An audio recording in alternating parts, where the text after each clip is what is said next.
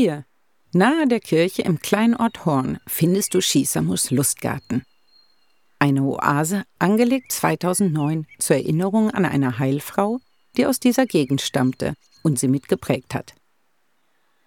Hier wachsen die gleichen Heilpflanzen, die Shisamur, also Shisamutter, in ihrer Heilkunst benutzt hat. Es gibt einen Schmetterlingsgarten, einen Schulgarten, in dem Schüler Gemüse anbauen und Blumen pflanzen, und in einem biblischen Teil des Gartens gedeihen Arzneipflanzen, die bereits in der Heiligen Schrift erwähnt sind. Aber wer war diese Shisamur eigentlich? Am 30. März 1788 wird Maria Jansson in Quadentorp in der Region Närke geboren. Sie ist die Tochter eines sehr bekannten Krankenheilers namens John Johnson, auch Heil John genannt. Mit 18 Jahren wird Maria verheiratet.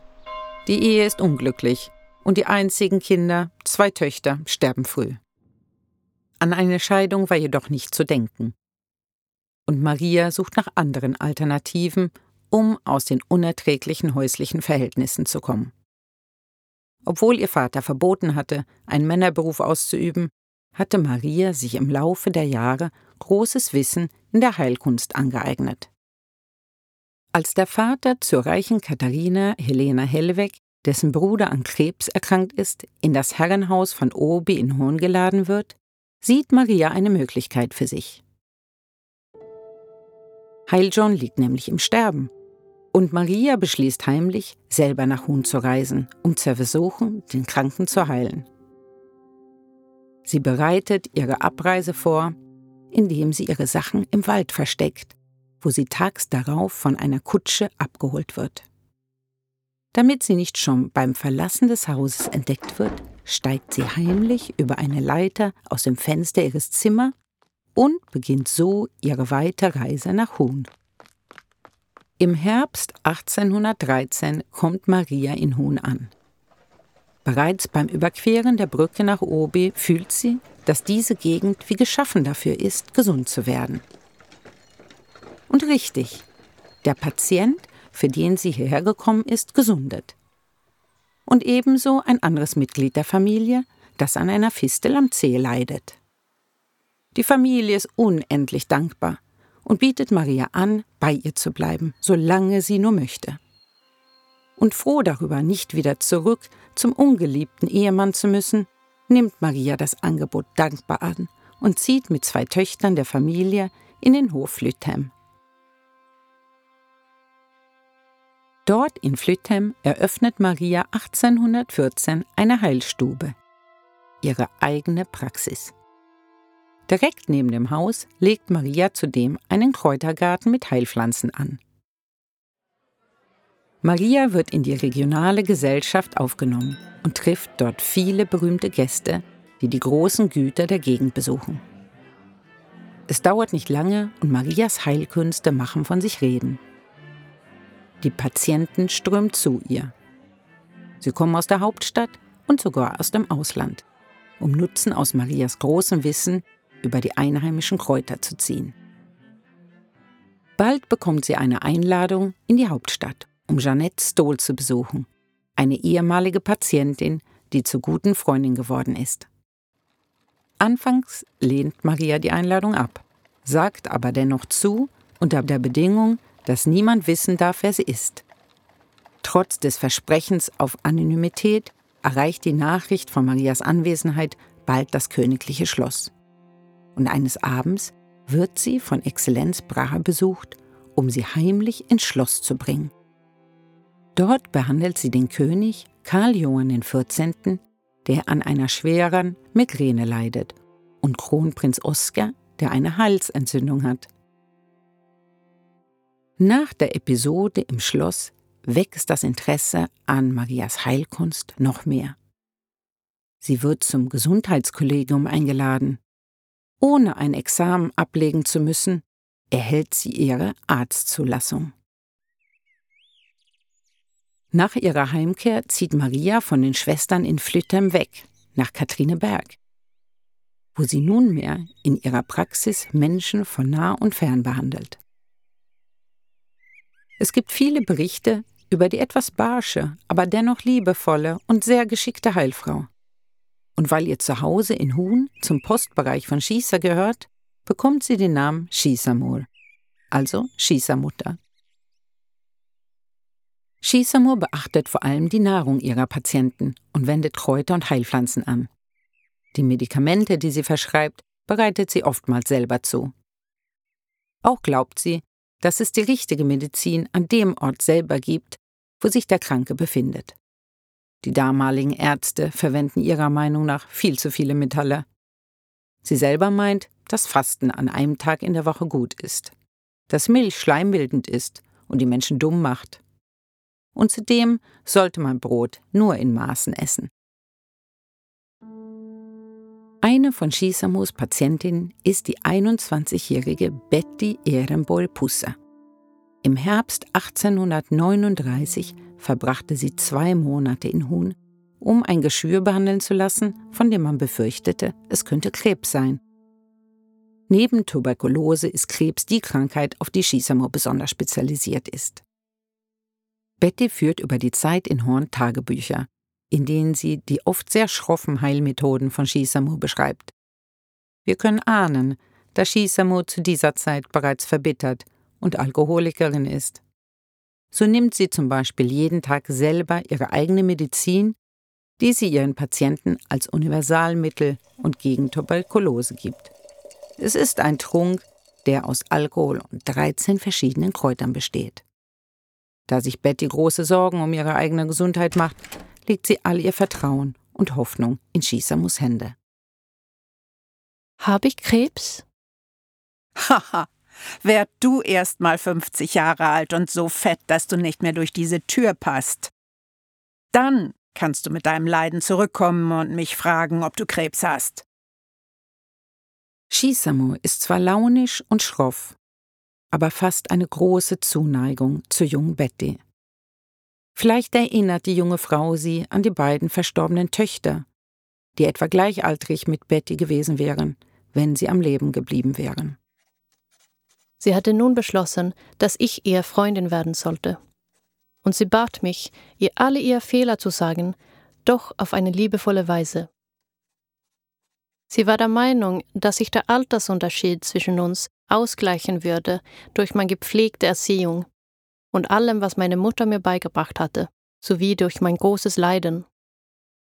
Sie genoss meine Bewunderung, ihre Genialität, und sie brauchte diese Bewunderung für ihr Wohlbefinden.